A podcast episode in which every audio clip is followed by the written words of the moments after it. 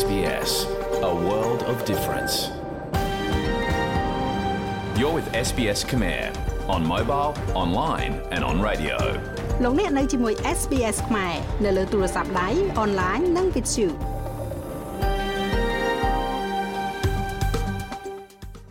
យើងខ្ញុំសូមទទួលស្គាល់ទំនៀមទម្លាប់ប្រពៃណីទឹកដីដែលយើងកំពុងតែផ្សាយចេញពីថ្ងៃនេះ SBS ខ្មែរសូមគោរពដល់ប្រជាជន Wurundjeri វ័យ Wurrun នៃប្រជាជាតិ Kulin និងចាស់ទុំរបស់ពួកគេតាំងពីអតីតកាលនិងបច្ចុប្បន្នយើងក៏សូមទទួលស្គាល់ម្ចាស់ទំនៀមទម្លាប់ប្រពៃណីទឹកដីនៃជនជាតិដើម Aboriginal និងអ្នកកោះ Torres Strait ទាំងអស់ដែលលោកអ្នកកំពុងតែស្ដាប់នៅទីនេះហើយនៅថ្ងៃនេះគឺជាថ្ងៃទី13រោចខែចែកឆ្នាំខាលចត្វាស័កពុទ្ធសករាជ2565 ដែលត្រូវនឹងថ្ងៃសុក្រទី29ខែមេសាឆ្នាំ2022នាងខ្ញុំហៃសុផារនីសូមនាំមកជូននៅកម្មវិធីផ្សាយដែលមានជាបន្តបន្ទាប់ដូចតទៅធនធាគារកណ្ដាលអូស្ត្រាលីស្ថិតនៅក្រោមសម្ពាធក្នុងការដំឡើងអត្រាការប្រាក់របស់ខ្លួនយុវជនក្មេងៗដែលនឹងបោះឆ្នោតជាលើកដំបូងកំពុងតែស្ថិតក្រោមសម្ពាធក្នុងការជ្រើសរើសឲ្យបានត្រឹមត្រូវ។ របាយការណ៍ពីប្រទេសកម្ពុជានិងបទសម្ភាសជាមួយនឹងក្រុមនិស្សិតខ្មែរស្ដីអំពីការជ្រើសរើសមកសិក្សានៅក្នុងប្រទេសអូស្ត្រាលីរួមទាំងបទពិសោធន៍ដែលបានឆ្លងកាត់នៅក្នុងប្រទេសនេះចាស់ហើយទាំងអស់នេះនឹងមានជម្រាបជូនលោកលោកស្រីនៅនាងកញ្ញាបន្ទាប់ពីនេតិព័ត៌មានមេដឹកនាំបកប្រឆាំងលោក Anthony Albanese វិលចូលយុទ្ធនាការបោះឆ្នោតវិញខណៈដែលអនុប្រធានបកនេះឆ្លង COVID វិញម្ដង។ រដ្ឋាភិបាលសហព័ន្ធនិយាយថាការកើនឡើងនៃថ្លៃចំណាយរស់នៅក្នុងប្រទេសអូស្ត្រាលីអាចបណ្ដាលមកពីកត្តាអន្តរជាតិគូផ្សំប្រធានាធិបតីអ៊ុយក្រែនទាមទារឲ្យរុស្ស៊ីទទួលខុសត្រូវចំពោះការវាយប្រហារដោយកំជួចមីស៊ីលនៅក្នុងទីក្រុងគៀវមេដឹកនាំបកប្រឆាំងលោក Anthony Albanese កំពុងតែធ្វើដំណើរទៅកាន់ទីក្រុង Perth សម្រាប់យុទ្ធនាការបោះឆ្នោតរបស់បក Labor ដែលចាប់ផ្ដើមនៅថ្ងៃអាទិត្យ បន្ទាប់ពីបានផ្ដាច់ខ្លួនឯងចេញឆ្ងាយពីគេជាមួយនឹង COVID-19 អស់រយៈពេលមួយសប្តាហ៍កន្លងមកមេដឹកនាំបកប្រឆាំងរូបនេះបានរងការរិះគន់ចំពោះការមិនធ្វើសន្និសីទសារព័ត៌មានដោយខ្លួនឯងស្ដីពីការវិលត្រឡប់មកវិញកាន់យុទ្ធនាការបោះឆ្នោតនេះដោយទុកឲ្យលោកហេរ៉ាញិកស្រមោល Jim Chalmers និងរដ្ឋមន្ត្រីក្រសួងមហាផ្ទៃស្រមោល Christina Kennelly ប្រឈមមុខជាមួយនឹងអ្នកសារព័ត៌មានជំនួសវិញ។ ប៉ុន្តែលោក Albanese មានប្រសាសន៍ថាលោកកំពុងធ្វើតាមការណែនាំរបស់វិជ្ជបណ្ឌិត ដែលឲ្យរូបលោកសម្រាលោកបាននិយាយបែបនេះនៅមុនពេលឡើងយន្តហោះទៅកាន់រដ្ឋអូស្ត្រាលីខាងលិច It's great to be out and about and I'm looking forward វាអស្ចារ្យណាស់ដែលបានចេញមកខាងក្រៅហើយខ្ញុំទន្ទឹងរង់ចាំការធ្វើដំណើរទៅកាន់ទីក្រុងផឺតដើម្បីចូលរួមជាមួយនឹងប្រជាជនរដ្ឋអូស្ត្រាលីខាងលិចអ្វីដែលបានបង្ហាញគឺភាពខ្លាំងនៃក្រុមរបស់គណៈបក Labor ខ្ញុំមានក្រុមដ៏អស្ចារ្យដែលខ្ញុំដឹកនាំហើយយើងត្រៀមខ្លួនរួចជាស្រេចសម្រាប់បង្កើតរដ្ឋាភិបាលកាលពីព្រឹកមិញនេះអនុប្រធានបក Labor លោក Richard Marles បានធ្វើតេស្តឃើញវិជ្ជមាន COVID-19 លោក Marles បានធ្វើសេចក្តីប្រកាសមួយនៅក្នុងបណ្ដាញសង្គម Twitter កាលពីព្រឹកថ្ងៃទី29នេះដោយនិយាយថាលោកទទួលបាននូវលទ្ធផលវិជ្ជមានបន្ទាប់ពីការធ្វើតេស្តតាមទម្លាប់។ លោកនិយាយទៀតថាលោកនឹងប្រែកខ្លួនឯងចេញឆ្ងាយពីគេនៅក្នុងផ្ទះធ្វើតាមការណែនាំសុខភាពដែលពាក់ព័ន្ធហើយនឹងត្រឡប់មកវិញក្នុងពេលឆាប់ៗនេះដើម្បីតស៊ូដើម្បីអនាគតកាន់តែប្រសើរជាមួយនឹងមេដឹកនាំបកលោក Anthony Albanese រដ្ឋាភិបាលសហព័ន្ធនិយាយថាការកើនឡើងនៅថ្លៃចំណាយរស់នៅក្នុងប្រទេសអូស្ត្រាលីអាចបណ្ដាលមកពីកត្តាអន្តរជាតិគួបផ្សំ វាគឺជាបញ្ហាដ៏សំខាន់មួយនៅក្នុងយុទ្ធនាការបោះឆ្នោតនេះដោយតួលេខចេញផ្សាយដោយប្រតិបត្តិការទីផ្សារធម្មពលនៅថ្ងៃនេះបង្ហាញថាឆ្នេរភាគខាងកើតកំពុងតែរងការវាយប្រហារយ៉ាងខ្លាំងរដ្ឋមន្ត្រីក្រសួងហិរញ្ញវត្ថុលោក Simon Birmingham បានប្រាប់បណ្ដាញទូរទស្សន៍ប៉ុស្តិ៍លេខ7ថាវិបត្តិធម្មពលគឺជាមូលហេតុដែលត្រូវបន្ទោស What we've managed to do is implement អ្វីដែលយើងបានធ្វើគឺអនុវត្តគោលការណ៍ដែលមានប្រសិទ្ធភាពដែលបានឃើញក្នុងរយៈពេល2-3ឆ្នាំចុងក្រោយនេះតម្លៃធម្មពលលក់រាយក្នុងគ្រួសារធ្លាក់ចុះប្រហែលជា8%យើងត្រូវប្រកាសថាយើងរក្សាគោលការណ៍ទាំងនោះបេក្ខភាពបក Liberal លោកស្រី Catherine Davy និយាយថាទោះបីជាមានភាពចម្រូងចម្រាសនាពេលថ្មីថ្មីនេះក៏ដោយក៏លោកស្រីនឹងមិនលាឈប់ ពីក្តីប្រាថ្នាចង់បានអាសនៈនៅ Warringah ដែរបបេក្ខភាពរបស់បកចម្រុះដែលបានជ្រើសឡើងដោយលោកនាយករដ្ឋមន្ត្រី Scott Morrison រូបនេះបានទទួលរងនឹងការរិះគន់បន្ទាប់ពីបានបញ្ចេញមតិនៅលើប្រព័ន្ធផ្សព្វផ្សាយសង្គមស្ដីអំពីស្ត្រីកែភេទនៅក្នុងវិស័យកីឡាដែលនៅពេលនេះបានលុបចោលទៅវិញហើយចាប់តាំងពីពេលនោះមកលោកស្រី Devi បានសុំទោសចំពោះសេចក្តីថ្លែងការណ៍នេះ ហើយនៅក្នុងបទសម្ភាសន៍មួយនៅលើស្ថានីយវិទ្យុ Sydney 2GB បានទទូចថាលោកស្រីមិនមែនជាអ្នកដែលប្រឆាំងទៅនឹងក្រុមភេទទី3នោះទេ This isn't about that this this argument នេះមិនមែននិយាយអំពីរឿងនោះទេ ការលើកឡើងនេះគឺនិយាយអំពីស្ត្រីនិងក្មេងស្រីត្រឡប់ទៅដើមទសវត្សរ៍ទី90វិញខ្ញុំបានទៅ Mardi Gras អ្នកដឹងទេខ្ញុំបានបោះឆ្នោតឲ្យអាពាហ៍ពិពាហ៍ភេទដូចគ្នាខ្ញុំមិនមានបញ្ហាអ្វីនោះទេ ប៉ុន្តែនេះគឺជាការប៉ះទង្គិចនៃសិទ្ធិហើយដោយដែលខ្ញុំតែងតែនិយាយយើងគ្រាន់តែត្រូវការដើម្បីអាចជជែកវែកញែកវាដោយការគោរពនិងពិចារណាទៅលើទស្សនៈពីភាគីពាក់ព័ន្ធទាំងអស់បរោះវ័យ46ឆ្នាំម្នាក់បានលង់ទឹកស្លាប់នៅក្នុងទឹកជំនន់នៅកណ្ដាលភូមិខាងលិចនៃរដ្ឋ Queensland កាលពីយប់មិញបន្ទាប់ពីតំបន់នេះត្រូវបានជន់លិចដោយសារភ្លៀងធ្លាក់ខ្លាំង លោក Robert Beck បានរអិលជើងហើយដួលធ្លាក់ចូលទៅក្នុងទឹកខណៈពេលដែលលោកនៅជាមួយនឹងក្រុមគ្រួសារនិងសត្វឆ្កែរបស់លោក នៅឯ Lloyd Jones Weir ក្នុងតំបន់ Bacaldin នៅម៉ោងប្រហែលជា6ល្ងាចថ្ងៃប្រហ័សម្សិលមិញនេះសេវាសង្គ្រោះបន្ទាន់និងអ្នកស្ម័គ្រចិត្ត SES មកពីទីក្រុង Longreach និង Blackall ដែលនៅក្បែរៗនោះត្រូវបានគេហៅទៅកាន់កន្លែងកើតហេតុហើយចាប់ផ្ដើមប្រតិបត្តិការរុករក ប៉ុន្មានម៉ោងក្រោយមកសាកសពរបស់លោក Beck ត្រូវបានគេរកឃើញនៅខ្សែទឹកខាងក្រោមចម្ងាយ200ម៉ែត្រប្រធានមន្ត្រីសុខាភិបាលនៃរដ្ឋ Victoria លោក Brett Sutton បានលើកទឹកចិត្តឲ្យប្រជាជនអូស្ត្រាលីទៅចាក់ថ្នាំបង្ការជំងឺគ្រុនផ្ដាសាយប្រជាជនដែលមានអាយុក្រោម65ឆ្នាំអាចចាក់ថ្នាំបង្ការជំងឺគ្រុនផ្ដាសាយបានដោយឥតគិតថ្លៃនៅឯ clinic ចាក់វ៉ាក់សាំងនៅថ្ងៃសុក្រនេះនៅសាលាក្រុង Melbourne និងសាលាក្រុង Sydney ។ ការស្រាវជ្រាវដែលធ្វើឡើងដោយសម្ព័ន្ធភាពសាមបានរកឃើញថា មនុស្សពេញវ័យអាយុក្រោម65ឆ្នាំត្រឹមតែ45%ប៉ុណ្ណោះដែលមានគម្រោងចាក់វ៉ាក់សាំងផ្ដាសាយនៅឆ្នាំនេះបើទោះបីជា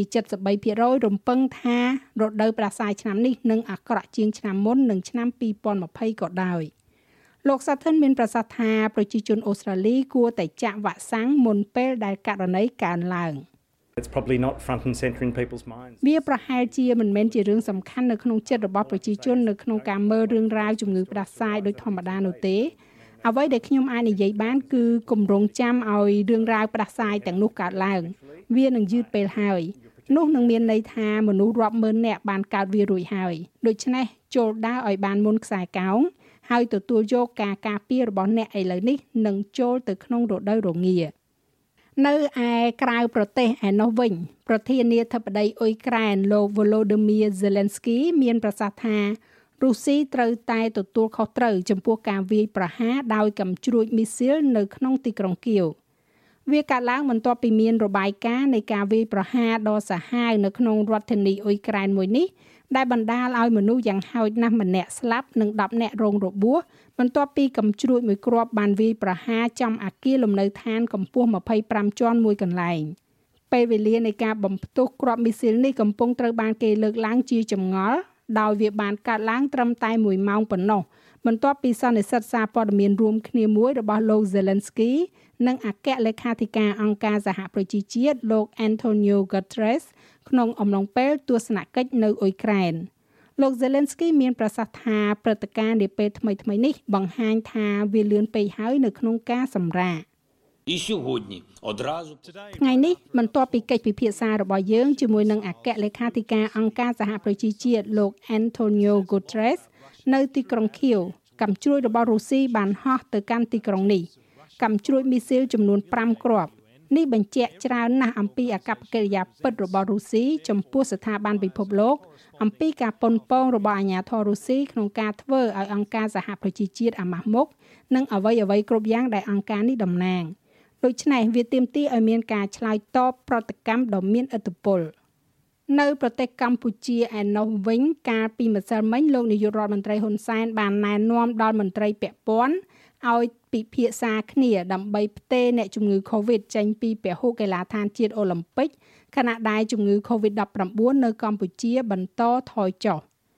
លោកនាយករដ្ឋមន្ត្រីបានលើកឡើងថាការផ្ទេរអ្នកជំងឺចេញទៅកាន់មន្ទីរពេទ្យលួងម៉ែឬក៏មន្ទីរពេទ្យនៅចាក់អង្រេក្នុងរាជធានីភ្នំពេញនេះគឺដើម្បីរៀបចំជួសជុលនិងកែលម្អពហុកីឡាដ្ឋានជាតិអូឡ িম্প ិកដើម្បីផ្ដល់លទ្ធភាពឲ្យកីឡាករជម្រើសជាតិកម្ពុជា បានសិក្សារៀនសូត្រនិងវឹកហាត់ ពង្រឹងសមត្ថភាពរបស់ខ្លួនដើម្បីចូលរួមប្រកួតក្នុងនាមជាម្ចាស់ផ្ទះរៀបចំព្រឹត្តិការណ៍កីឡា SEA Games នៅឆ្នាំ2023ខាងមុខអញ្ចឹងសូមពិភាក្សាគ្នាអាចនឹងយកអ្នកជំងឺរបស់យើង ទៅមន្ទីរពេទ្យលួងម៉ាឬទៅមន្ទីរពេទ្យចាក់រេព្រោះដើម្បីប្រគល់ start នេះសម្រាប់ការជួសជុលឲ្យហើយហើយស្រោតព្រោះយើងនៅសល់ពេលតែមួយឆ្នាំទៀតទេការប្រកួត SEA Games នឹងមកដល់ ចាស់លោកមេងផល្លានឹងជួនសេចក្តីរាយការណ៍លម្អិតនៅវគ្គក្រោយបន្ថែមទៀតឬលោកអ្នកអាចចូលស្ដាប់របាយការណ៍ពេញលើគេហទំព័រ sbs.com.au/ ខ្មែរប្រធានគណៈកម្មការ Rugby League របស់អូស្ត្រាលីលោក Peter Villandi បាននិយាយថាលោកនឹងយកការប្រកួត NRL Grand Final ចេញពីទីក្រុង Sydney ប្រសិនបើរដ្ឋាភិបាល New South Wales មិនគោរពការសន្យានៅទឹកប្រាក់ចំនួន800លានដុល្លារក្នុងការផ្ដល់មូលនិធិដល់ការកែលម្អកីឡាដ្ឋាននេះទេនោះសេចក្តីថ្លែងការណ៍នេះបានធ្វើឡើងនៅមុនពេលកិច្ចប្រជុំជាមួយនឹងរដ្ឋមន្ត្រីក្រសួងកីឡាលោក Stuart Ayres និងលោកអភិបាលរដ្ឋ Dominic Perrottet ដោយលីកនេះបានទទូចថាប្រាក់ដែលបានបំរុងទុកដំបូងសម្រាប់ការអភិវឌ្ឍកីឡាដ្ឋាន Accor Stadium គួរតែត្រូវបានចំណាយលើតំបន់ជាក្រុងទីក្រុង Brisbane បានធ្វើជាម្ចាស់ផ្ទះការប្រកួតវគ្គផ្ដាច់ព្រាត់កាលពីឆ្នាំមុនដោយសារតែជំងឺ Covid រាតត្បាតហើយរដ្ឋ Queensland បានបង្ហាញអំពីចំណាប់អារម្មណ៍របស់ខ្លួនក្នុងការធ្វើជាម្ចាស់ផ្ទះនៃការប្រកួតនេះម្ដងទៀត។តែចាប់តាំងពីពេលនោះមកលោកប៉េរូតេបានទម្លាក់ចោលនៅការគម្រាមកំហែងរបស់ប្រធានលីកនេះយ៉ាងដូចនេះថា There's all this little theater that Peter Villandis is ការភ័យខ្លាចតិចតួចដែលលោក Peter Villandi កំពុងបង្កើតឡើងវានឹងមិនកើតឡើងទេ ការប្រកួតវគ្គផ្ដាច់ព្រាត់នឹងមិនទៅលេងនៅរដ្ឋ Queensland ឬក៏កន្លែងផ្សេងទៀតទេលោក Peter ដឹងរឿងនោះហើយខ្ញុំក៏ដឹងរឿងនោះយើងអាចរំចាក់ក្បាច់បានប៉ុន្តែយើងដឹងថាវានឹងត្រូវបញ្ចប់នៅកន្លែងណាយើងនឹងមានការប្រកួតផ្ដាច់ព្រាត់នៅទីក្រុងស៊ីដនី ចំណែកឯអត្រាប្តូរប្រាក់វិញនៅថ្ងៃនេះ1ដុល្លារអូស្ត្រាលីមានតម្លៃប្រមាណជាជាង71សេនប្រាក់ដុល្លារអាមេរិកតែបន្តិចប៉ុណ្ណោះត្រូវនឹងប្រមាណជា2870រៀលប្រាក់រៀលខ្មែរ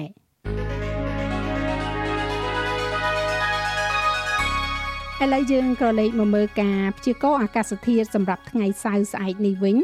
នៅទីក្រុងផឺតបើកថ្ងៃល្អ23អង្សា មានពពកដោយពេលនៅអាដាលេដ19អង្សា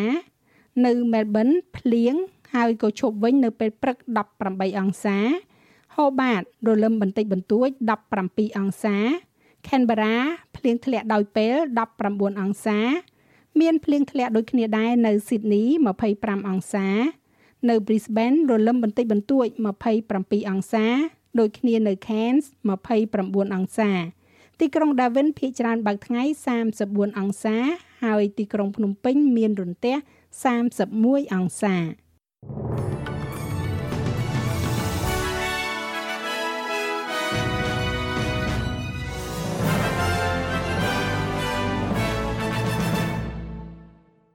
ចាលោកលោកស្រីអ្នកនាងកញ្ញាជាទីមេត្រីនេតិព័ត៌មានជាតិអន្តរជាតិអមជាមួយនឹងព័ត៌មានកីឡានិងការព្យាករណ៍អាកាសធាតុ ដែលលោកអ្នកកំពុងតាមដានស្ដាប់នៅពេលនេះចាប់តែប៉ុណ្ណេះ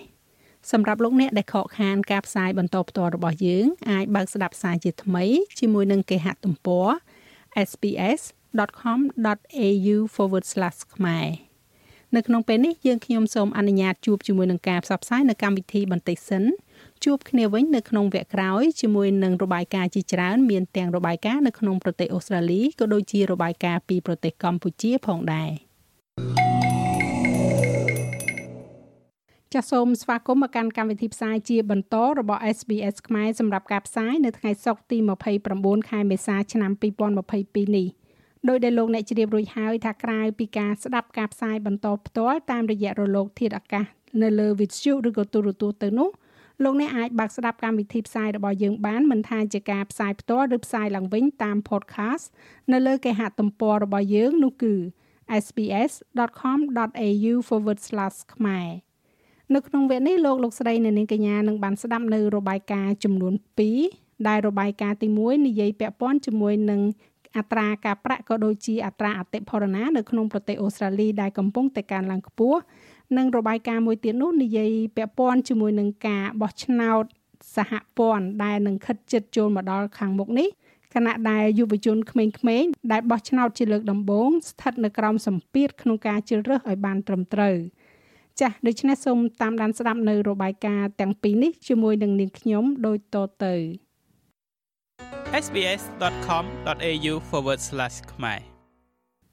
ធនាគារកណ្ដាលអូស្ត្រាលីស្ថិតនៅក្រោមសម្ពាធកាន់តែខ្លាំងឡើងខ្លាំងឡើង នៅក្នុងការដំឡើងអត្រាការប្រាក់បន្ទាប់ពីអត្រាអតិផរណាប្រចាំឆ្នាំរបស់ប្រទេសនេះ បានកើនឡើងដល់កម្រិតខ្ពស់បំផុតក្នុងរយៈពេល2ទសវត្សរ៍មកនេះដោយសារតែការកើនឡើងនៅថ្លៃប្រេងឥន្ធនៈនិងថ្លៃផ្ទះសម្បែងតួលេខពីការិយាល័យស្ថិតិចុងក្រោយគេបង្អស់បង្ហាញថាសន្ទុះតម្លៃទំនិញប្រើប្រាស់សម្រាប់ត្រីមាសខែមីនា បានកើនឡើង2.1%ដែលនាំឲ្យអត្រាប្រចាំឆ្នាំឡើងដល់5.1% ចាប់តាំងពីការដាក់ចេញនៅពន្ធលើទំនិញនិងសេវាកម្មឬហៅថា GST ដោយរដ្ឋាភិបាលលោក Harvard នៅក្នុងខែមិថុនាឆ្នាំ2000មកអត្រាអតិផរណារបស់ប្រទេសអូស្ត្រាលីមិនធ្លាប់កើនឡើងខ្ពស់ដូចនេះទេប៉ុន្តែនៅឆ្នាំនេះគឺវាបានកើនឡើងខ្លាំងរហូតដល់ទៅ5.1%ដោយកើនឡើងពី3.5%កាលពីត្រីមាសមុនវាគឺជាព្យុះបក់បោកមកលើរដ្ឋាភិបាលនៅចំកណ្ដាលយុទ្ធនាការបោះឆ្នោត ប៉ុន្តែលោក Heranyck Josh Frydenberg បដិសេធថាវាមិនមានអ្វីពាក់ព័ន្ធទៅនឹងការគ្រប់គ្រងសេដ្ឋកិច្ចរបស់គណៈបកសម្ព័ន្ធនោះទេ Key drivers were housing, food កត្តាជំរុញសំខាន់សំខាន់គឺថ្លៃផ្ទះអាហារនិងការដឹកជញ្ជូនការកើនឡើងដ៏ធំបំផុតតែមួយគត់តាក់ទងទៅនឹងតម្លៃប្រេងឥន្ធនៈគឺកើនឡើង11%ក្នុងត្រីមាននេះ និង35%ខ្ពស់ជាងមុនពេញមួយឆ្នាំនេះគឺជាការកើនឡើងដ៏ធំបំផុតតែមួយគត់នៃតម្លៃប្រេងឥន្ធនៈចាប់តាំងពីការលុកលុយរបស់អ៊ីរ៉ាក់លើប្រទេសគុយវ៉ែតកាលពីជាង30ឆ្នាំមុននៅក្នុងឆ្នាំ1990ការរាតត្បាតនៃជំងឺ Covid-19 បាននាំឲ្យមានការរំខានដល់ខ្សែសង្វាក់ផ្គត់ផ្គង់ធំធំដែលត្រូវបានគេមើលឃើញថាថ្លៃដឹកជញ្ជូនកើនឡើងក្នុងករណីខ្លះ5ដងឬក៏ច្រើនជាងនេះទៀតក៏មាន។ ទោះបីជាយ៉ាងណាក៏ដោយលោកហេរ៉ាញឹកនៅតែមានទំនុកចិត្តថាជាមួយនឹងអត្រានៃភាពអត់ការងារធ្វើទៀប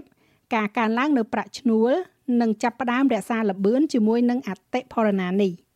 4.25% was the the forecast 4.25%គឺជាការព្យាករណ៍សម្រាប់អតិផរណា ហើយ2.75%គឺជាការព្យាករណ៍សម្រាប់ប្រាក់ឈ្នួល ការរំពឹងទុកនៅក្នុងថវិកាគឺថាអតិផរណានឹងធ្លាក់ចុះដល់3%នៅឆ្នាំក្រោយហើយប្រាក់ឈ្នួលនឹងកើនឡើងដល់3.25%អ្វីដែលយើងកំពុងនិយាយនៅពេលនេះនៅក្នុងទីផ្សារការងារដ៏តឹងតែងនយោជកកំពុងប្រកួតប្រជែងដណ្ដើមកម្មករគ្នាហើយវានឹងដាក់សម្ពាធទៅលើប្រាក់ឈ្នួលឲ្យកាន់តែកើនឡើងខ្លាំងប៉ុន្តែហេរ៉ាញឹកស្រមោលលោក Jim Chambers មានប្រសាសន៍ថាអ្វីអ្វីគ្រប់យ៉ាងនៅក្នុងប្រទេសអូស្ត្រាលីនេះឡើងថ្លៃទាំងអស់លើកលែងតែប្រាក់ឈ្នួលកម្មករចេញ Now these inflationary pressures have been building in the economy សម្ពាធអតិផរណាទាំងនេះត្រូវបានកសាងឡើងនៅក្នុងសេដ្ឋកិច្ចនេះមួយរយៈពេលមកហើយ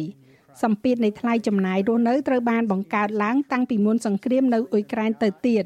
ប្រាក់ឈ្នួលពិតប្រាកដកំពុងតែដើរថយក្រោយនៅក្នុងប្រទេសនេះខ្លាំងជាងនៅសហរដ្ឋអាមេរិកនិងកន្លែងផ្សេងទៀត។ តម្លៃកំពុងតែឡើងថ្លៃកប់ពពកប្រាក់ឈ្នួលពិតប្រាកដកំពុងតែធ្លាក់ចុះហើយការកើនឡើងនៃអត្រាការប្រាក់គឺហៀបនឹងបន្ថែមការឈឺចាប់ពីលើនេះបន្ថែមទៀតថ្លៃនៅក្នុងយុទ្ធនាការបោះឆ្នោតនៅមុនពេលបញ្ចេញតួលេខនេះលោកនាយករដ្ឋមន្ត្រីបានទទួលស្គាល់ពីផលប៉ះពាល់នៃថ្លៃទំនិញឡើងថ្លៃ There are lots of pressures on Australia at the moment. មានសម្ពាធជាច្រើននៅលើប្រទេសអូស្ត្រាលីនៅពេលនេះហើយជាពិសេសមានសម្ពាធសេដ្ឋកិច្ចជាច្រើន យើងដឹងហើយថាប្រជាជនអូស្ត្រាលីបាននឹងកំពុងតែប្រឈមមុខទៅនឹងការកើនឡើងនៃសម្ពាធថ្លៃចំណាយការរស់នៅហើយនេះមិនមែនជារឿងសម្រាប់ប្រទេសអូស្ត្រាលីតែមួយនោះទេ គឺវាកំពុងតែកើនឡើងនៅជុំវិញពិភពលោកសេដ្ឋកិច្ចរបស់យើងមានការផ្លាស់ប្ដូរជាច្រើនផ្នែកនៅពេលនេះដែលសុទ្ធតែស្ថិតនៅក្រោមភាពតានតឹង នៅក្រៅមាត្រាអតិផរណាជាមូលដ្ឋាន ដែលសំបីតែតម្លៃប្រែប្រួលឡើងខ្លាំងនិងទស្សនវិស័យរយៈពេលវែងកាន់តែប្រសើរនោះអត្រាអតិផរណាក៏បានកើនឡើង1.4%ទៅជា3.7%សម្រាប់ឆ្នាំនេះវាគឺជាលើកទី1ចាប់តាំងពីឆ្នាំ2010មកដែលអត្រានេះឡើងខ្ពស់ជាងការកំណត់គោលដៅរបស់ធនាគារកណ្ដាលចន្លោះពី2ទៅ3% ហើយវានឹងបង្កើនសម្ពាធបន្ថែមទៀតទៅលើធនាគារកណ្ដាលដើម្បីបង្កើនអត្រាសាច់ប្រាក់ពីកម្រិតទាបបំផុត0.1%នៅពេលដែលនឹងមានការរៀបចំកិច្ចប្រជុំក្រុមប្រឹក្សាភិបាលដ៏សំខាន់មួយនៅសប្តាហ៍ក្រោយចាស់ហើយរបាយការណ៍នេះចងក្រងឡើងដោយ Garrett Boreham សម្រាប់ SBS News និងប្រែសម្រួលសម្រាប់ការផ្សាយរបស់ SBS ខ្មែរដោយនាងខ្ញុំហៃសុផារ៉ានី thank you ស្ដាប់និងចូលរួមបញ្ចេញយោបល់ជាមួយ SBS ដោយ download កម្មវិធី SBS Radio App ស្ដាប់ផ្ទាល់ឬស្ដាប់ឡើងវិញតាមពេលវេលាដែលអ្នកចង់ស្ដាប់ចូលរួមបោះឆ្នោតឆ្លើយសំណួរផ្សេងផ្សេងនិងធ្វើការទំនាក់ទំនងមកពួកយើង ជាកម្មវិធីឥតគិតថ្លៃដែលអ្នកអាចយកបានពី App Store ឬ Google Play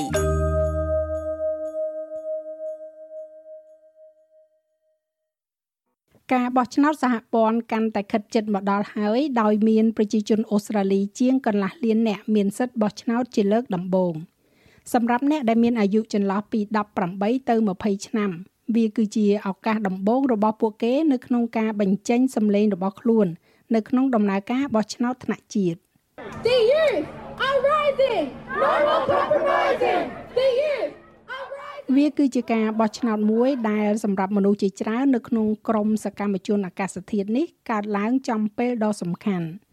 ចលនា School Strike for Climate បានកើនឡើងយ៉ាងលេចធ្លោនៅឆ្នាំ2019ដែលបានស្ទុះឡើងបន្ទាប់ពីហេតុការណ៍ភ្លើងឆេះព្រៃនិងទឹកជំនន់នៅក្នុងប្រទេសអូស្ត្រាលីក្នុងពេលប្រមាណឆ្នាំថ្មីៗនេះ Vasha Yamen អាយុ19ឆ្នាំ គឺជាអ្នកចាត់ចែងដ៏សំខាន់មួយរូបនៅក្នុងចលនានេះ ឥឡូវនេះនាងកំពុងតែធ្វើការជាជំនួយការមេធាវីនៅស៊ីដនីនិងបន្តសកម្មភាពជាសកម្មជនអាកាសធាតុរបស់នាង I'm really excited. Um but I think ខ្ញុំពិតជារំភើបណាស់ប៉ុន្តែខ្ញុំគិតថាវាក៏មានសម្ពាធច្រើនដែរព្រោះវាជាលើកទី1ហើយដែលមានមនុស្សជាច្រើនពីចំនួនខ្ញុំអាចបោះឆ្នោតបាន វាមានអារម្មណ៍ថាមានបន្ទុកជាច្រើនដាក់មកលើយើងក្នុងការជ្រើសរើសឲ្យបានត្រឹមត្រូវនិងធ្វើជំរើសត្រឹមត្រូវដែលនឹងផ្ដល់ឲ្យយើងនៅអនាគតមួយដែលមានសុវត្ថិភាពយើងកំពុងមានបន្ទុកជាមួយនឹងការទទួលខុសត្រូវច្រើនស្រាប់ហើយយើងមិនចង់ធ្វើវាឲ្យកាន់តែធ្ងន់ធ្ងរនៅថ្ងៃអនាគតនោះទេអ្នកតស៊ូមតិផ្នែកអាកាសធាតុម្នាក់ទៀតគឺនាង New O'Connor Smith មានមូលដ្ឋាននៅទីក្រុង Melbourne នាងនិយាយថានាងយល់ឃើញថាគោលនយោបាយរបស់រដ្ឋាភិបាលមិនអំណោយផល I sit here and be like I don't know what my future looks like ខ្ញុំអង្គុយនៅទីនេះហើយគិតថាខ្ញុំមិនដឹងថាអនាគតរបស់ខ្ញុំទៅជាយ៉ាងណាទេពួកគេមិនតំណាងឲ្យអ្វីដែលខ្ញុំចង់បានហើយពួកគេមិនតំណាងឲ្យអ្វីដែលយុវជនចង់បាននោះទេខ្ញុំមើលមិនឃើញអ្វីនៅក្នុងពួកគេនោះឡើយគោលនយោបាយដែលនឹងជួយខ្ញុំក្នុងរយៈពេលយូរឬក៏កសាងសហគមន៍ជុំវិញខ្លួនខ្ញុំ និងជួយយុវជនផ្សេងទៀតដូចជារូបខ្ញុំកសាងអនាគតនៅឯទីលានវឹកហាត់មួយនៅភូមិខាងលិចក្រុងស៊ីដនីការបោះឆ្នោតដែលខិតជិតចូលមកដល់នេះមិនមែនជាចំណាប់អារម្មណ៍សម្រាប់កីឡាកររូបនេះទេ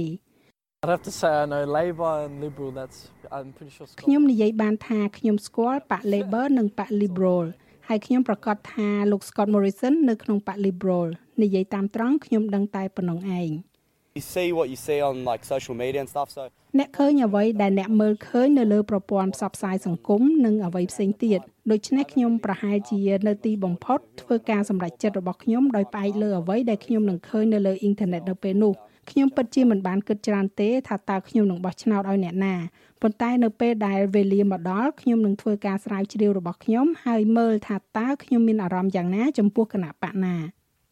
បើយើងសម្លឹងឆ្ពោះទៅភាគខាងត្បូងបន្ថែមទៀតនៅក្នុងតំបន់ Sutherlandshire នៃទីក្រុងស៊ីដនីសាជីវកម្ម Kurannula Aboriginal Corporation ដំណើរការជាមជ្ឈមណ្ឌលឈៀងចូលសម្រាប់សហគមន៍ជនជាតិដើមភាគតិចនៅក្នុងតំបន់នេះ មជ្ឈមណ្ឌលនេះពឹងផ្អែកទៅលើជំនួយរបស់យុវជន ដូចជាតាមេកា Lee Fitzgerald អាយុ19ឆ្នាំ ដែលនិយាយថាការបោះឆ្នោតរបស់យុវវ័យក្មេងៗប្រហែលជាមិនមែនជាអតិភិបចម្បងសម្រាប់គណៈបកធំធំនោះទេ Yeah, I think there could be more ខ្ញុំគិតថាវាអាចនឹងមានអ្វីច្រើនទៀតដែលត្រូវធ្វើជាមួយនឹងយុវជននៅជុំវិញប្រទេសអូស្ត្រាលីមិនថាជាជនជាតិដើមឬក៏អត់នោះទេ ខ្ញុំមានទំនោរគិតថាអ្នកនយោបាយផ្ដោតទៅលើមនុស្សវ័យកណ្ដាលច្រើនជាងយុវជន នៅទីក្រុងផឺតសហគមន៍ទីក្រាន់យ៉ា ក្នុងតំបន់បានតស៊ូមតិជាយូរណាស់មកហើយឲ្យរដ្ឋាភិបាលថ្កោលទោសរដ្ឋាភិបាលអេធីូពីជំវិញអ ுக ្រិតកម្មសង្គ្រាមនៅក្នុងប្រទេសកំណើតរបស់ពួកគេ។និស្សិតវិទ្យាសាស្ត្រជីវវិទ្យាសាស្ត្រអាយុ18ឆ្នាំ Noha Sehaye បានសម្លឹងមើលរដ្ឋាភិបាលថ្កោលទោសរុស្ស៊ីចំពោះការវាយលុកមកលើអ៊ុយក្រែនហើយក៏មានការខកចិត្តដែលរដ្ឋាភិបាលមិនបានធ្វើដូចគ្នានេះមកលើប្រជាជន Tigray I do wish in the future whoever party does um ខ្ញុំពិតជា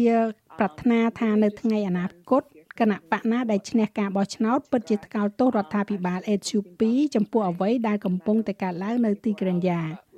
គេបានធ្វើវាជាមួយនឹងអ៊ុយក្រែនក្នុងរយៈពេល24ម៉ោងប៉ុន្តែជាមួយទីក្រែនយ៉ាវិញមានរយៈពេលជាង500ថ្ងៃហើយនៅសាកលវិទ្យាល័យ Queensland និស្សិតកំពុងតែពិចារណាលើបញ្ហាដែលនឹងជំរុញឲ្យពួកគេជ្រើសរើសតំណាងនាពេលបោះឆ្នោត climate change 100% climate change ការប្រែប្រួលអាកាសធាតុ100%គឺការប្រែប្រួលអាកាសធាតុខ្ញុំក៏គិតដែរពីតម្លៃផ្ទះនិងតម្លៃជួល ជាពិសេសការជួលនៅក្នុងទីក្រុងពិតជាថ្លៃណាស់ហើយវា stress ខ្លាំងណាស់ដែលព្យាយាមคลายទៅជាមនុស្សពេញវ័យហើយមិនដឹងថាខ្ញុំត្រូវការពេលប៉ុន្មានដើម្បីអាចទិញផ្ទះហើយអាចតាំងទីលំនៅបានដោយខ្លួនឯង Everyone who studies, you know, they study what they want to do. គ្រប់គ្នាដែលសិក្សាគេសិក្សាមុខវិជ្ជាអ្វីដែលគេចង់ធ្វើវាមិនគួរថាបង្ខំមនុស្សឲ្យជ្រើសរើសផ្លូវអាជីពផ្សេងផ្សេងដោយហេតុផលសេដ្ឋកិច្ចនោះទេ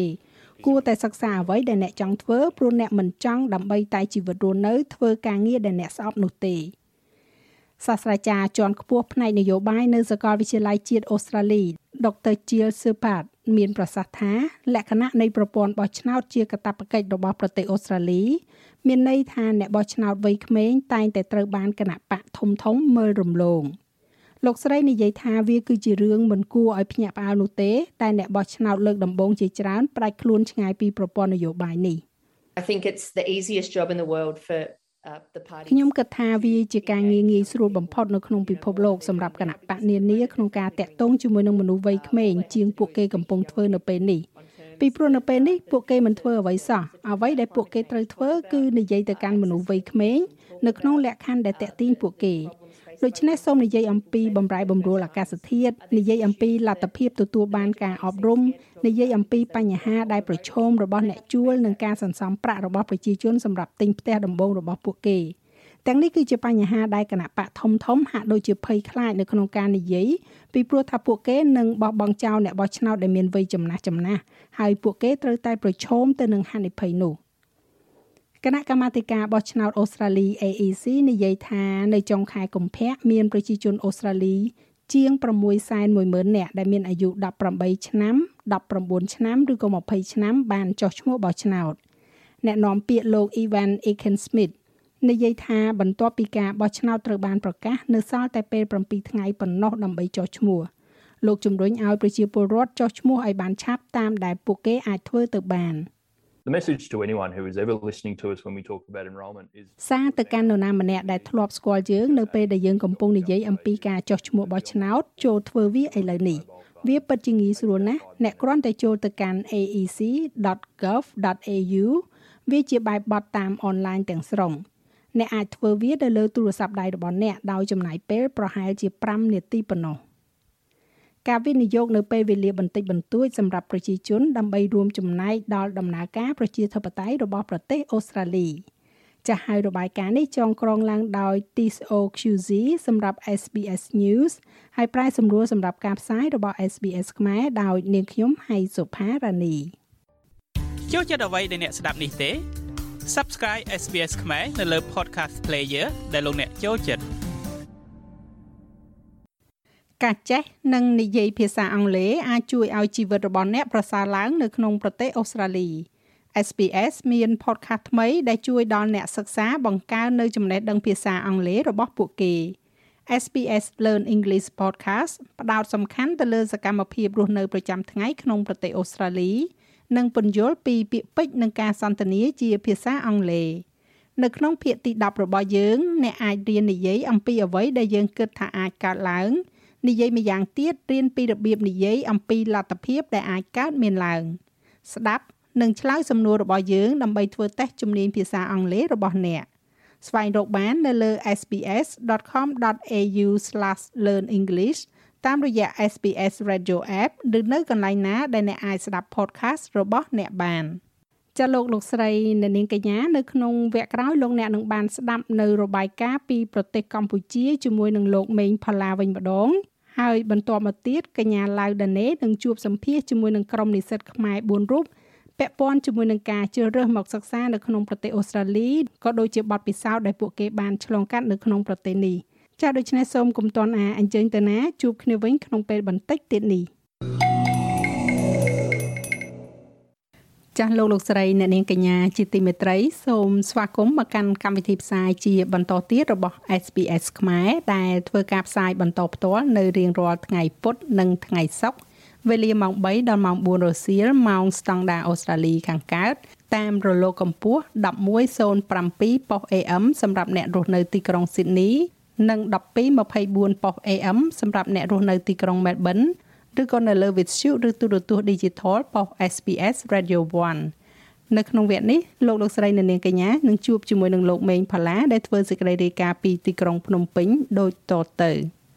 ខ្ញុំបាទមេងផល្លាមានសេចក្តីរាយការណ៍និយម2នាយករដ្ឋមន្ត្រីកម្ពុជាណែនាំឲ្យផ្ទេរអ្នកជំងឺ Covid-19 ចេញពីស្តាតអូឡ িম্প ិកខណៈដែល Covid ថមថយនៅក្នុងប្រទេសកម្ពុជា និងសេចក្តីរាយការណ៍មួយទៀតនិយម2 អតីតមេបញ្ជាការអ៊ុនតាក់ចូលក្រាបបង្គំគរព្រះមហាក្សត្រកម្ពុជា ជាដំបូងខ្ញុំបាទមានសេចក្តីរាយការណ៍និយម2នាយករដ្ឋមន្ត្រីកម្ពុជាណែនាំឲ្យផ្ទេរអ្នកជំងឺ Covid-19 ចេញពីស្តាតអូឡ িম্প ិកខណៈដែល Covid បន្តថមថយនៅក្នុងប្រទេសកម្ពុជាក្នុងឱកាសអញ្ជើញជាអធិបតីក្នុងពិធីសម្ដែងសម្ដាលនិងផ្ដល់អនុសាសន៍ដល់កីឡាករកម្ពុជាដែលត្រូវទៅប្រកួតកីឡា SEA Games នៅប្រទេសវៀតណាម កាលពីព្រឹកថ្ងៃទី28ខែមេសា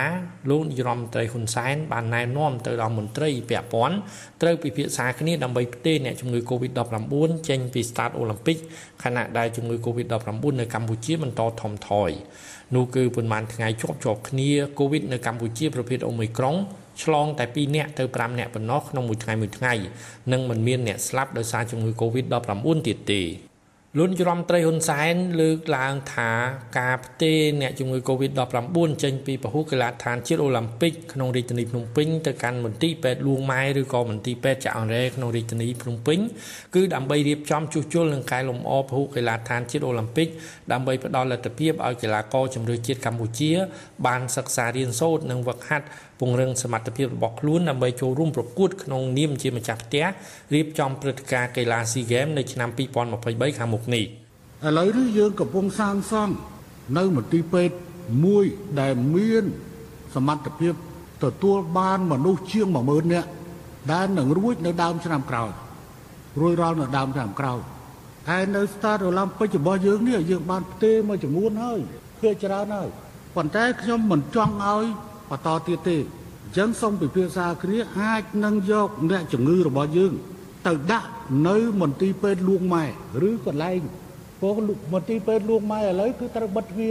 បិទសិនបិទសិនអញ្ចឹងអាចទេអ្នកជំងឺនេះដែលនៅនៅក្នុងនេះទៅ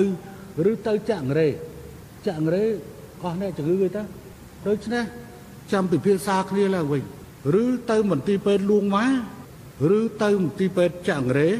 ព្រោះដើម្បីប្រគល់ start នេះសម្រាប់ការជួសជុលឲ្យហើយឲ្យស្រោតព្រោះយើងនៅសល់ពេលតែមួយឆ្នាំទៀតទេការប្រកួត SEA Games នឹងមកដល់ហើយយើងក៏យកកន្លែងហ្នឹងធ្វើការវឹកហាត់បន្ថែមទៀតដែរថែមទៀតដែរតន់អ្នកជំងឺរបស់យើងមានការថយចុះសូមបញ្ជាក់ថាបច្ចុប្បន្ននេះនៅកម្ពុជាមានអ្នកជំងឺ Covid-19 ចំនួន93នាក់កំពុងសម្រាប់ព្យាបាលនៅតាមរាជធានីខេត្តនៅទូទាំងប្រទេសក្នុងនោះនៅភ្នំពេញមាន26នាក់ ដែល8នាក់កំពុងប្រើប្រាស់អុកស៊ីហ្សែនធម្មតាម្នាក់កំពុងប្រើប្រាស់ម៉ាស៊ីនជំនួយដង្ហើមហើយ9នាក់ផ្សេងទៀតកំពុងស្ថិតនៅក្នុងបន្ទប់សង្គ្រោះបន្ទាន់ ICU ពាក់ព័ន្ធទៅនឹងកីឡាករជម្រើសជាតិកម្ពុជានិងប្រតិភូកីឡាជាង50នាក់ត្រៀមចេញទៅប្រកួត SEA Games នៅប្រទេសវៀតណាមក្នុងខែឧសភាខាងមុខនេះលោកនាយរដ្ឋមន្ត្រីហ៊ុនសែនបានផ្ដាំផ្ញើនិងរំលឹកកីឡាករកីឡាការិនីទាំងអស់ពេលចេញទៅប្រកួត SEA Games គឺតំណាងឲ្យជាតិទាំងមូលសេចក្តីថ្លៃថ្នូររបស់ជាតិគឺពិតជាសំខាន់ណាស់ដូច្នេះយើងមិនត្រូវធ្វើអ្វីដែលនាំទៅដល់ការអាប់អោនកិត្តិយសជាតិនោះទេ លោកនាយរដ្ឋមន្ត្រីហ៊ុនសែននៅបន្តរំលឹកជាថ្មីទៀតឲ្យកីឡាករកីឡាការិនីនិងប្រតិភូកីឡារបស់កម្ពុជាទាំងអស់គោរពវិន័យក្នុងការប្រកួត បញ្ជានៅការប្រើប្រាស់សារធាតុញៀននិងសារធាតុហាមឃាត់ក៏ដូចជាខិតខំថែរក្សាសុខភាពបញ្ជាពីជំងឺ Covid-19 ក្នុងឱកាសនៃការទៅចូលរួមប្រកួតកីឡាស៊ីហ្គេមនៅប្រទេសវៀតណាមខាងមុខលោកនាយរដ្ឋមន្ត្រីហ៊ុនសែនបានលើកទឹកចិត្តទៅដល់កីឡាករកីឡាការិនីទាំងអស់ឲ្យខិតខំប្រឹងប្រែងដើម្បីទទួលបានជ័យជំនះបន្ថែមទៀត លោកនាយរដ្ឋមន្ត្រីក៏បានឧបត្ថម្ភលើកទឹកចិត្តទៅដល់កីឡាករកីឡាការិនីនិងគ្រូបង្វឹកចំនួន560នាក់ក្នុងម្នាក់ម្នាក់ទទួលបាន500ដុល្លារផងដែរចូលចុះស្ដាប់កម្មវិធី Visual SBS ខ្មែរមែនទេដូច្នេះបន្តទំនាក់ទំនងជាមួយកម្មវិធីរបស់យើងតទៅទៀតតាមរយៈ Facebook សូមចុច like នៅ Facebook របស់យើង ហើយចូលរួមបញ្ចេញមតិរបស់អ្នក SBS ខ្មែរនៅលើ Facebook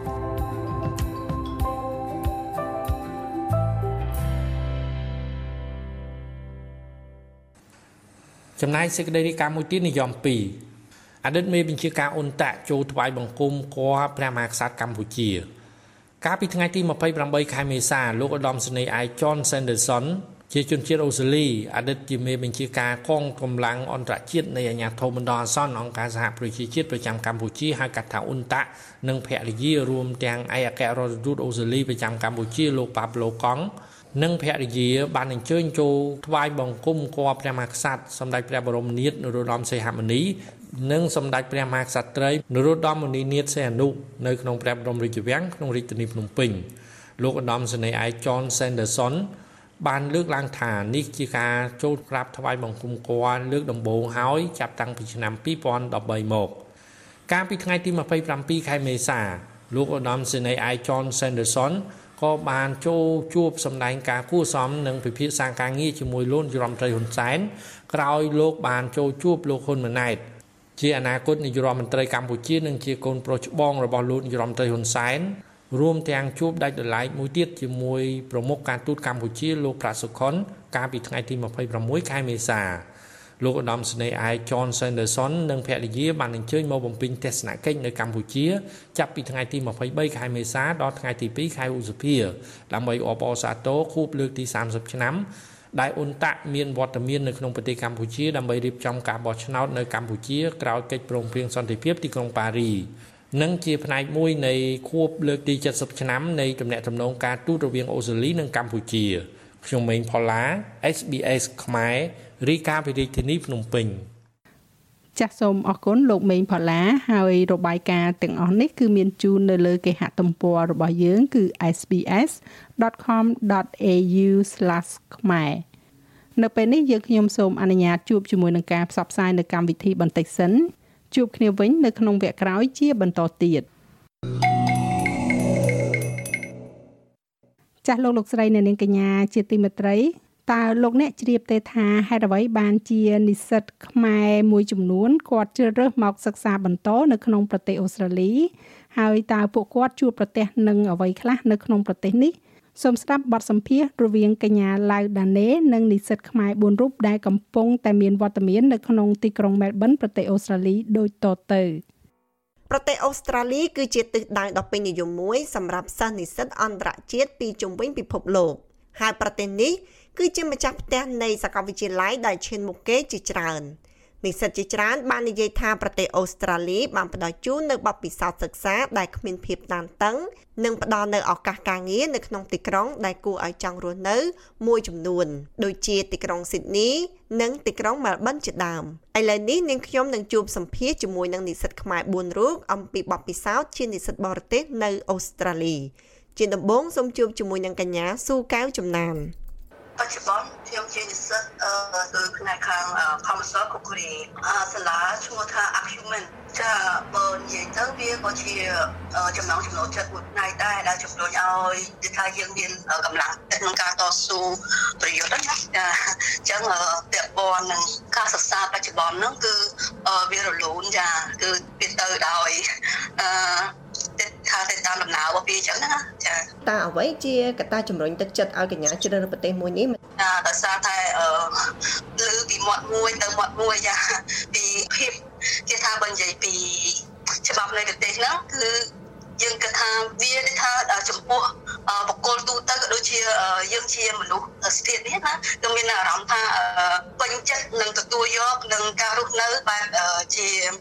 លក្ខណៈមួយថាបែបសេរីភាពហើយនឹងមានការទទួលខុសត្រូវពីរដ្ឋាភិបាលជាក់ស្ដែងដូចយើងខ្ញុំជានិស្សិតអឺដែលថាយើងមកសិក្សានៅក្រៅប្រទេសចឹងណាក៏ប៉ុន្តែរដ្ឋាភិបាលនៅស្រុកគេនេះគេមិនខ្វល់ថាយើងជាជនបរទេសឬមួយក៏ជាកូនគេនៅក្នុងស្រុកហ្នឹងណាចាអញ្ចឹងហើយអំឡុងពេលដែលកូវីដនេះអឺ យើងខ្ញុំនៅនៅតែមានចិត្តខ្លាំងម្ដងគុណមែនតើអឺថ្មីតែតែអំឡុងពេលកូវីដហ្នឹងយើងមិនអាចមានឱកាសថាសេរីភាពក្នុងការដើរហើរឬមួយគេហៅថានៅក្នុង social public ណាចាអញ្ចឹងអឺអញ្ចឹងមានការបងរាំងខ្ទប់កំណត់ណាកំណត់ដែនកំណត់ឲ្យយើងដើរអញ្ចឹងណាចាអញ្ចឹងវាអាចប៉ះពាល់ដល់ការងាររបស់ខ្ញុំអញ្ចឹងហើយចាប៉ុន្តែជាជាដូចថា គេហៅថាមកជាថាជាការតស៊ូឡើងអ្វីឬមួយក៏ជាការលើកទឹកចិត្តយើងណាឲ្យយើងមានការតស៊ូទៅមុខទៀតឬមួយក៏ដូចថាជាផ្នែកជំនួយណាចាអញ្ចឹងខាងរដ្ឋាភិបាលអូស្ត្រាលីហ្នឹងក៏បានចំមកផ្នែកជំនួយក្នុងកំឡុងពេលកូវីដហ្នឹងចាអញ្ចឹងគេជួយជាថវិកាក៏ដូចជានៅជំនួយផ្សេងផ្សេងទៀតហ្នឹងនេះជាចំណុចល្អមួយដែលនាងខ្ញុំបានពិសោធន៍ផ្ទាល់នៅក្នុងអំឡុងពេលដែលរស់នៅហើយដែល អ្វីដែលល្អផ្សេងផ្សេងទៀតណាគឺតាមរយៈមិត្តភ័ក្តិឬមួយក៏ដូចថាយើងជួបណាបុគ្គលដែលរស់នៅនៅអូស្ត្រាលីនេះផ្ទាល់តែម្ដងចាឥឡូវយើងមកជួបជាមួយនឹងនិស្សិតខ្មែរម្នាក់ទៀតគឺលោកសនសាវឿនជំរាបសួរលោកសនសាវឿនបាទជំរាបសួរបាទកញ្ញាដនេះ ចាសូមអរគុណចំពោះពេលវេលាដែលមានតម្លៃជាមួយនឹង SBS ខ្មែរនៅក្នុងថ្ងៃនេះចាលោកសនសវឿនឥឡូវនេះបានអញ្ជើញមកដល់ប្រទេសអូស្ត្រាលីហើយហើយក៏ចង់ដឹងដែរថាលោកសនសវឿនអញ្ជើញមករៀននៅសាលាណាហើយមុខវិជ្ជាអ្វីដែរចាបាទបាទចឹងអរគុណច្រើនកញ្ញាបាទខ្ញុំរៀននៅសាកលវិទ្យាល័យ Melbourne ហើយក្នុងមុខជំនាញ Master of Social Policy បាទខ្ញុំមកសិក្សានេះគឺទទួលបានហាប់កពីកម្មវិធី មួយដែលមានឈ្មោះថា Australia Report Scholarship ដែលទទួលការគ្រប់គ្រងដោយរដ្ឋាភិបាលអូស្ត្រាលីបាទឆ្លងតាមបទពិសោធន៍ពីមុនមកក៏ដូចជាដែលខ្ញុំបានឃើញជាក់ស្ដែងនេះខ្ញុំមានឃើញកត់សម្គាល់ចំណុចល្អល្អមួយចំនួនដែលធ្វើខ្ញុំធ្វើការជ្រើសរើសនៅប្រទេសអូស្ត្រាលីក៏ដូចជាសង្កេតឃើញជាក់ស្ដែងបាទចំណុចទី1គឺខ្ញុំសង្កេតឃើញថាប្រទេសអូស្ត្រាលីគឺជាប្រទេសមួយដែលមានប្រព័ន្ធអប់រំល្អបាទអញ្ចឹងប្រព័ន្ធអប់រំនេះខ្ញុំសង្កេតឃើញជាក់ស្ដែងដូចខ្ញុំ រៀននៅសាលាខ្ញុំនោះគឺខ្ញុំឃើញមានដូចកម្មវិធីសិក្សាល្អគឺមុខវិជ្ជាដែលជ្រើសរើសមកដាក់ក្នុងកម្មវិធីហ្នឹងគឺល្អប្រសើរហើយក៏ដូចជាមានឧបករណ៍ឬក៏សម្ភារៈនេះហ្នឹងគឺសម្បូរបែបដែលអាចឲ្យសិស្សធ្វើការស្រាវជ្រាវដោយបានល្អប្រសើរក្នុងការសិក្សារបស់ពួកគេណាបាទហ្នឹងហើយចំណុចទី2មួយទៀតដែលខ្ញុំសង្កេតឃើញភាពល្អប្រសើររបស់ប្រទេសអូស្ត្រាលីនោះគឺទាក់ទងជាមួយនឹងសេវាសាធារណៈបាទសេវាសាធារណៈ ខ្ញុំសូមលើកពីទីចុះគឺទាក់ទងជាមួយ transportation និង health ទៅក្រៅពី education ខ្ញុំលើកមុននេះតិចណាបាទអញ្ចឹងខ្ញុំឃើញថាប្រព័ន្ធបាទការធ្វើដំណើរគឺមានភាពល្អប្រសើរហើយដូចជាការយកចិត្តទុកដាក់ទាក់ទងជាមួយសុខុមាលភាពរបស់ប្រជាពលរដ្ឋក៏ដូចជាសិស្សនិស្សិតនេះក៏ល្អប្រសើរដែរបាទចំណុចមួយទៀតដែលអាចថាជាកត្តាដែលខ្ញុំជ្រើសរើសមករៀន នៅប្រទេសអូស្ត្រាលីនោះគឺជាគឺប្រទេសអូស្ត្រាលីគឺជាប្រទេសមួយដែលយកចិត្តទុកដាក់ចំពោះគេហៅថាសុខុមាលភាពរបស់និស្សិតណាជាក់ស្ដែងដូចខ្ញុំលើចំណុចមួយគឺពាក់ព័ន្ធជាមួយនឹងនិស្សិតដែលមករៀននៅអូស្ត្រាលីនេះគឺរដ្ឋាភិបាលបានអនុញ្ញាតឲ្យក្រុមគ្រួសារមកជាមួយបាទដែលជាកត្តាសំខាន់ដើម្បីជួយជំរុញឲ្យអឺភាពជោគជ័យក្នុងការសិក្សារបស់ពួកគេណាបាទហ្នឹងហើយហើយមួយទៀតកំឡុងពេលដែល សិក្សាហ្នឹងក្រុមគ្រួសារក៏អាចធ្វើការបានហើយនឹងកូនកូននេះក៏អាចចូលរៀននៅសាលានៅប្រទេសអូស្ត្រាលីនេះដោយនឹងបងថ្លៃផងដែរបាទហើយសិស្សនិស្សិតផ្ទាល់ខ្លួនក៏អាចមានឱកាសក្នុងការធ្វើការងារ part time ដើម្បីទទួលបានអត្ថប្រយោជន៍បន្ថែមដើម្បីជួយគ្រប់គ្រងនៅការរស់នៅរបស់ពួកគេបាទចានិស្សិតមួយរូបទៀតគឺលោកសំរិទ្ធបូវិហោះសាលអឺសប្តាហ៍ខ្ញុំបន្តការសិក្សានៅ សាលា Homesclan Institute ហើយនឹងឥឡូវហ្នឹងបន្តយកជំនាញចុងភៅផ្អែមខ្ញុំបានបញ្ចប់ចុងភៅធម្មតាហើយឥឡូវហ្នឹងក៏បន្តជំនាញមួយទៀតគឺជំនាញខាងផ្អែមវិញចឹងណាបងចាតើវិសាមានការឆ្លាញ់ចូលចិត្តទៅលើមុខជំនាញដែលខ្លួនឯងកំពុងរៀននឹងបែបណាដែរចាហ្នឹងហើយខ្ញុំចូលចិត្តខាងផ្នែក cooking ណាបងដល់អញ្ចឹងទៅក៏ជ្រើសរើសខាងមុខជំនាញ cooking នឹងសូម្បីតែការងាររាល់ថ្ងៃក៏ តាក់ទងនឹងចំភៅនឹងដែរបងណាអឺចំពោះការចូលចិត្តរៀននៅអូស្ត្រាលីនេះអឺនេះជាបទពិសោធន៍ខ្ញុំផ្ទាល់អឺពេលដែលខ្ញុំចុះទៅសិក្សានៅសាលាមានគ្រូតាមជំនាញរបស់គាត់អញ្ចឹងណាបងគ្រូខ្លះជំនាញខាងឧទាហរណ៍ខាងសាច់ ឬក៏ខាង seafood គេមានគ្រូផ្សេងផ្សេងហើយគេធ្វើបទបង្ហាញច្បាស់ច្បាស់ហើយគេនាំយើងទៅកន្លែងចិញ្ចឹមឬក៏នាំទៅយើងទៅកន្លែងផ្គត់ផ្គង់ដោយផ្ទាល់អីចឹងណាពេលដែលគេមានគ្រប់ tour គេទៅហើយគេគេប្រាប់និយាយរួមមាន practical class នៅសាលាហើយគេនាំទៅកន្លែងផលិតផ្ទាល់ទៀតអញ្ចឹងបានន័យថា skill យើងវាជួយអឺផ្ទាល់ហើយ គេនិយាយរួមគេប្រាប់គេប្រាប់បង្រៀនឲ្យអស់អស់សេចក្តីអញ្ចឹងហ៎បងអឺមិនរៀនតាមមេរៀនលំលំអីអញ្ចឹងឯងគេគេឲ្យយើង practice ឲ្យច្បាស់និយមរៀនហើយប្រើការបានហ្មងអញ្ចឹងបងដល់អញ្ចឹងទៅខ្ញុំចូលចិត្តនិស្សិតមួយរូបទៀតគឺកញ្ញាធុនដានីដែលនឹងមកបន្តការសិក្សានៅទីក្រុងម៉ាល់ប៊ុននេះនៅក្នុងពេលឆាប់ឆាប់ចាសសូមជួបជាមួយនឹងកញ្ញាដូចតទៅចាបងខ្ញុំនឹងចាក់ចែងពីប្រទេសកម្ពុជាទៅកាន់ ប្រទេសអូស្ត្រាលីនៅពាក់កណ្ដាលខែ7ខែទី20បងហើយសាលាដែលខ្ញុំបានទៅសិក្សានៅប្រទេសអូស្ត្រាលីគឺសាលា Springburn University បងហើយចំពោះមុខវិជ្ជាគឺ study Master of Administration បងហើយអ្វីបានជាដានីជ្រើសរើសប្រទេសអូស្ត្រាលីជាប្រទេសគោលដៅក្នុងការសិក្សាចា៎ប្រទេសអូស្ត្រាលីបើយើងធៀបប្រៀបធៀបទៅនឹងប្រទេសផ្សេងផ្សេងនៅក្នុងប្រទេសអឺរ៉ុបគឺសាលារៀននៅក្នុងប្រទេសអូស្ត្រាលីក៏ប្រហាក់ប្រហែលទៅនឹងសាលានៅក្នុងប្រទេសបារាំងនិង សាលានៅក្នុងប្រទេសអាមេរិកដូចគ្នាចំពោះប្រព័ន្ធការអប់រំគឺសាលាអូស្ត្រាលីគឺក៏គេទទួលស្គាល់ worldwide ដូចគ្នាដែរហើយចំណែកឯការសិក្សាវិញ គឺគួរជាទីកត់សម្គាល់ដែលសិស្សនិស្សិតខ្មែរជាច្រើនដែលបានទៅបន្តការសិក្សានៅប្រទេសអូស្ត្រាលីហើយបានយកនៅចំណេះដឹងដែលពួកគាត់មានមកអភិវឌ្ឍនៅប្រទេសខ្មែរផងដែរបងចង់ចំណេះដឹងដែលខ្ញុំអាចជឿឬប្រទេសយូនីវើប្រទេសអូស្ត្រាលីដែលជាប្រទេសកូនដៅដែលខ្ញុំជឿឬការសិក្សាថ្នាក់នៅបន្តរបស់ខ្ញុំនៅទីនោះបងនិស្សិតទាំងអស់សុទ្ធតែមានការជឿជាក់យ៉ាងមុតមមថាក្តីស្រមៃរបស់គេនឹងក្លាយទៅជាការពិតបន្ទាប់ពីគេបានបញ្ចប់ការសិក្សានៅប្រទេសអូស្ត្រាលីខ្ញុំនៅតែមានកំនិតថាសុតិធិនិយមណានៅថាការដែលយើងគម្រោងឬមួយក៏អ្វីដែលយើងដៅទុកហ្នឹងគឺប្រកាសជាដល់ហើយនឹងអាចទទួលបាននៅសមិទ្ធផលអ្វីមួយលើពីការដែលយើងស្មានទៀត ចាជាបន្តទៅទៀតនេះយើងជួបជាមួយនឹងលោកសនសវឿនដែលជានិស្សិតបរទេសមួយរូបទៀតកំពុងតែបន្តការសិក្សានៅទីក្រុងម៉ាបនអញ្ចឹងតាមពិតទៅខ្ញុំមុននឹងមកសិក្សាទីនេះខ្ញុំបានកំណត់គោលដៅមួយចំនួនបាទហើយគោលដៅខ្ញុំនេះគឺមានធំធំ3ដែលខ្ញុំតែងតែនេះប៉ុន្តែមានផ្សេងទេប៉ុន្តែខ្ញុំចង់លើកអស់ចំណុច3ទី1គឺខ្ញុំរំពឹងថាខ្ញុំនឹងអាច បញ្ចប់ការសិក្សានេះដោយជោគជ័យដោយទទួលបានចំណេះដឹងថ្មីថ្មីនៅប្រទេសអភិវឌ្ឍដូចជាប្រទេសអូស្ត្រាលីនេះដើម្បីអាចឲ្យខ្ញុំយកចំណេះដឹងទាំងនេះយកទៅចូលរួមក្នុងការអភិវឌ្ឍប្រទេសកម្ពុជារបស់យើងតាមជំនាញរបស់ខ្ញុំបាទ ជាក់ស្ដែងទីខ្ញុំជាបទពិសោធន៍ខ្ញុំធ្វើការនៅជាមួយនឹងអង្គការសង្គមស៊ីវិលបាទហើយនឹងនៅក្នុងវិស័យអប់រំអញ្ចឹងខ្ញុំសង្ឃឹមថាខ្ញុំនឹងទទួលបានចំណេះដឹងថ្មីថ្មីដើម្បីយកទៅជួយអភិវឌ្ឍតាមរយៈការធ្វើការងារជាមួយនឹងអង្គការសង្គមស៊ីវិលក៏ដូចជាអាចចែករំលែកចំណេះដឹងទៅ បងប្អូនចំនួនក្រោយតាមរយៈការបង្រៀនផងដែរហើយចំណុចមួយទៀតនោះគឺខ្ញុំសង្ឃឹមថាដោយសារតែប្រទេសអូស្ត្រាលីគឺជាប្រទេសអភិវឌ្ឍមួយអញ្ចឹងរបៀបរស់នៅរបស់គេគឺប្រសើរល្អប្រសើរខ្ញុំឃើញអឺគេឃើញល្អប្រសើរច្រើនអញ្ចឹងខ្ញុំសង្ឃឹមថាខ្ញុំអាចនឹងទទួលបានចំណេះដឹងទាំងអស់នេះដើម្បីអាចយកទៅ apply នៅក្នុងអនុវត្តជាក់ស្ដែងសម្រាប់ការរស់នៅផ្ទាល់ខ្លួនក៏ដូចជាចែករំលែកជាមួយនឹង បងប្អូនមិត្តភ័ក្តិក៏ដូចជាសិស្សសិស្សដែលខ្ញុំបង្រៀនណាបាទហើយចំណុចមួយទៀតនោះគឺដោយសារតែខ្ញុំធ្វើការជាមួយនឹងអង្គការសង្គមស៊ីវិលអញ្ចឹងចំណុចមួយដែលខ្ញុំចង់នោះគឺខ្ញុំចង់បង្កើតនៅគេហៅថា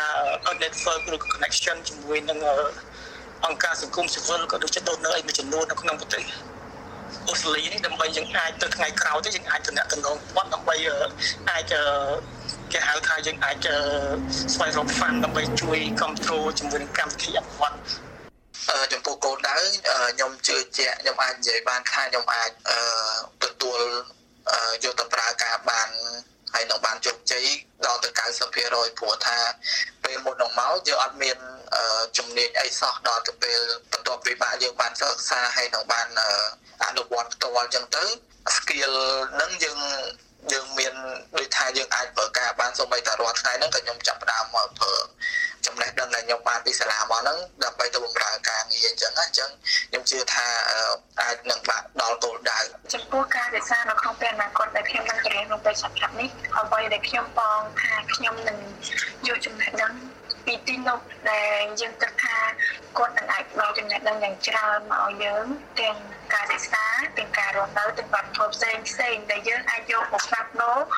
អ្វីដែលយើងមាននៅក្នុងស្រុកខ្មែរជាពិសេសបើនៅពេលអនាគតដែលខ្ញុំរៀបបញ្ចប់នៅទីនោះអ្វីដែលខ្ញុំនឹងបងគិតថាខ្ញុំអាចយកចំណេះដឹងពីទីនោះយកមកបង្រៀនដល់ក្មេងៗចំនួនក្រោយដែលគាត់អឺយើងនិយាយថាដែលគាត់អត់អាចទៅរៀននៅទីនោះចាំយើងជារៀបចំដែលយើងបានសិក្សានៅទីនោះយើងអាច ចែករំលែកបទពិសោធន៍ចេញពីការសិក្សាដែលយើងទទួលបានពីនោះដល់បុគ្គលបន្ថែមទៀតចឹងណាបងចាយើងសង្ឃឹមថាយើងនឹងឃើញនិស្សិតខ្មែរជាច្រើនរូបបន្តបន្តទៀតនិងធ្វើដំណើរមកបន្តការសិក្សានៅប្រទេសអូស្ត្រាលីសូមអរគុណសូមជម្រាបលាសហគមន៍លោកអ្នកភាសាសន្ទនារបស់លោកអ្នក SPS ខ្មែរចាលោកលោកស្រីនៅនាងកញ្ញាជាបន្តទៅទៀតនេះសូមជូននៅសេចក្តីប្រកាសដំណឹងដែលយើង ទទួលបានពីសហគមន៍ខ្មែរនៅទូទាំងប្រទេសអូស្ត្រាលីដំណឹងថ្ងៃនេះយើងបានមកពីខាងក្រមប្រឹក្សាសុខុមាលភាពខ្មែរអូស្ត្រាលីនៃរដ្ឋ New South Wales អាជីវកម្មដែលនឹងមានរៀបចំនៅកម្មវិធីថ្នាក់រាំកំសាន្តដែលយើងហៅថា Dance Class នៅរៀងរាល់ថ្ងៃពុធវេលាម៉ោង4ដល់ម៉ោង5ល្ងាចហើយមួយទៀតនោះក៏មានរៀបចំកម្មវិធីក្រុមគាំទ្រស្ត្រីខ្មែរដែលមានការផ្ដល់ជូននៅព័ត៌មាននិងសេវាកម្មគាំទ្រដល់ជនរងគ្រោះនិងក្រុមគ្រួសារ ក៏ដូចជាការស្ដាប់និងចែករំលែកបទពិសោធន៍នៅក្នុងការកសាងនៅក្រុមគ្រួសារយ៉ាងរីករាយផងដែរចាស់ហើយកម្មវិធីនេះប្រព្រឹត្តទៅនៅថ្ងៃប្រហ័សនៅវេលាម៉ោង9:30នាទីព្រឹករហូតដល់ម៉ោង12:30នាទីថ្ងៃត្រង់នៅឯ Kabramata Public School ព័ត៌មានបន្ថែមលោកអ្នកអាចទំនាក់ទំនងអ្នកស្រីសេងនីតាមរយៈទូរស័ព្ទលេខ04 33 79 22 31 ចាស់លោកលោកស្រីនៅនាងកញ្ញាជាបន្តទៅនេះសូមជូននៅមេត្តានៃព័ត៌មានសំខាន់សំខាន់មេដឹកនាំបកប្រឆាំងលោក Anthony Albanese វិលចូលយុទ្ធនាការបោះឆ្នោតវិញគណៈដែលអនុប្រធានបកនេះឆ្លង COVID វិញម្ដង។រដ្ឋាភិបាលសហព័ន្ធនិយាយថាការកើនឡើងនៃថ្លៃចំណាយរស់នៅក្នុងប្រទេសអូស្ត្រាលីអាចបណ្ដាលមកពីកត្តាអន្តរជាតិគូផ្សំ ប្រធានាធិបតីអ៊ុយក្រែនទាមទារឲ្យរុស្ស៊ីទទួលខុសត្រូវចំពោះការវាយប្រហារដោយកំជួចមីស៊ីលនៅក្នុងទីក្រុងគៀវ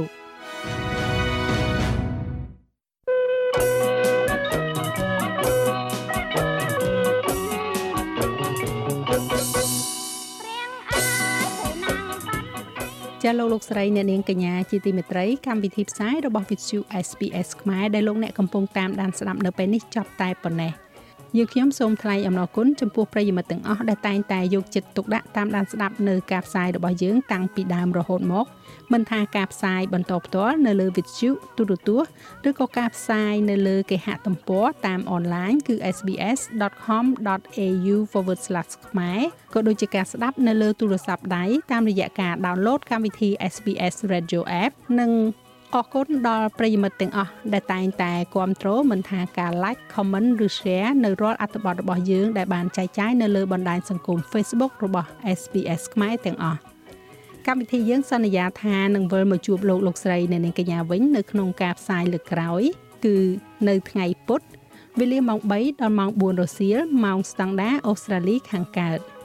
នៅពេលនេះ នាងខ្ញុំហៃសុផារនីនិងសហការីទាំងអស់សូមអរគុណនិងសូមគោរពលារីករាយថ្ងៃចុងសប្តាហ៍